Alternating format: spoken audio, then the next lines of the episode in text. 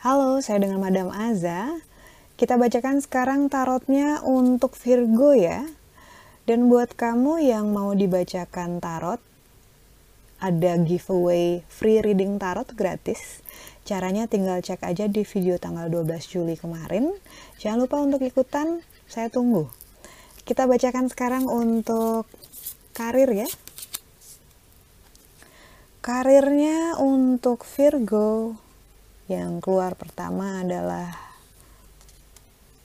The Emperor. Emperor ini bicara tentang energi yang feminin, di mana fokus ke spiritual, batin, jiwa, insting gitu ya, hal-hal yang motherly gitu dengan unsur keibuan. Ini bicara tentang kekuatan, namun kekuatan ini bukan sekadar fisik ataupun uh, yang terlihat, tapi juga yang tidak terlihat. Jadi dalam hal karir dibilang bahwa kamu adalah orang yang tangguh di mana kamu kuat dan kamu sanggup untuk mendapatkan apa yang kamu inginkan selama kamu benar-benar fokus menginginkan itu. Jadi ini banyak mainan dari uh, inner strength ya gitu. Karena itu jangan ngerasa bahwa kamu lemah ataupun kamu tidak berdaya.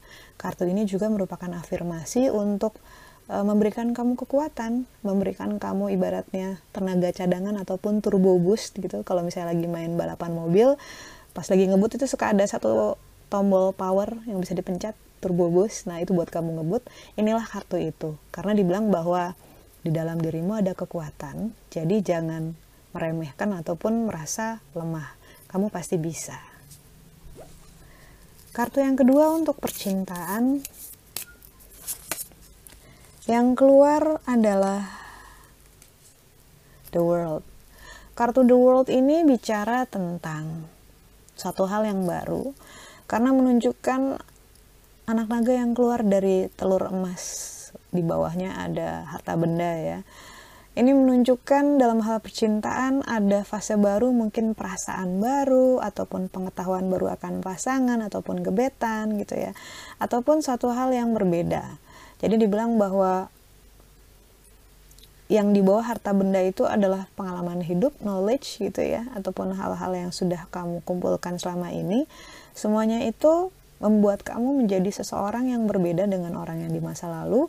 Pengetahuan baru dan pengalaman baru itu membuat kamu juga jadi orang yang lebih dewasa, lebih berkembang, lebih bagus tentunya gitu.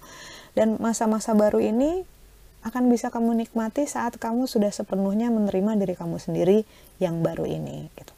Orang bilang uh, tentang konsistensi gitu ya wah kita harus konsisten jadi orang tergantung sih gitu growth tidak berarti kamu tidak konsisten growth ataupun perkembangan menunjukkan bahwa apa yang sudah kamu alami selama ini baik ataupun buruk kamu bisa mengambil pelajarannya. Dan itu tandanya kamu adalah bukan sekedar orang yang pintar tapi juga orang yang bijaksana. Kartu yang ketiga. Kartu yang ketiga, kartu nasihat adalah kartu judgment. Saat kartu judgment keluar, ini menunjukkan penghakiman ini tidak semengerikan yang menurut orang-orang ya.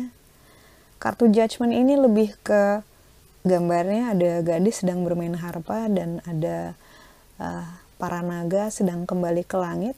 Harpanya ini adalah panggilan untuk semua melapor ke langit apa yang sudah dialami selama ini termasuk para heroes yang berjuang bersama naga juga akan kembali ke penciptanya ke penciptanya untuk memberitahu bahwa oke okay, ini yang terjadi gitu ya ibaratnya kita buku catatan kita dikasih tahu gitu ke para malaikat ke langit ke Tuhan so kartu nasihat ini menunjukkan bahwa semua yang kamu lakukan itu pada akhirnya adalah untuk dirimu sendiri semua yang kamu lakukan lewat kamu berkarya di pekerjaan ataupun karir kamu, semua kebaikan yang kamu lakukan untuk pasangan kamu, untuk keluarga kamu, itu pada akhirnya adalah untuk diri kamu sendiri.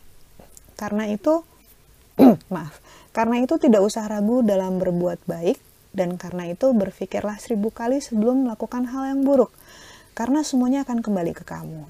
Nasihatnya adalah uh, selalu temukan alasan kenapa kamu harus melakukan sesuatu atau tidak melakukan sesuatu dan buatlah dasar perbuatan itu sebagai suatu hal yang baik tentang kembali ke langit. Sekian bacaannya, terima kasih sudah mau menyimak. Jangan lupa untuk like, subscribe, dan share.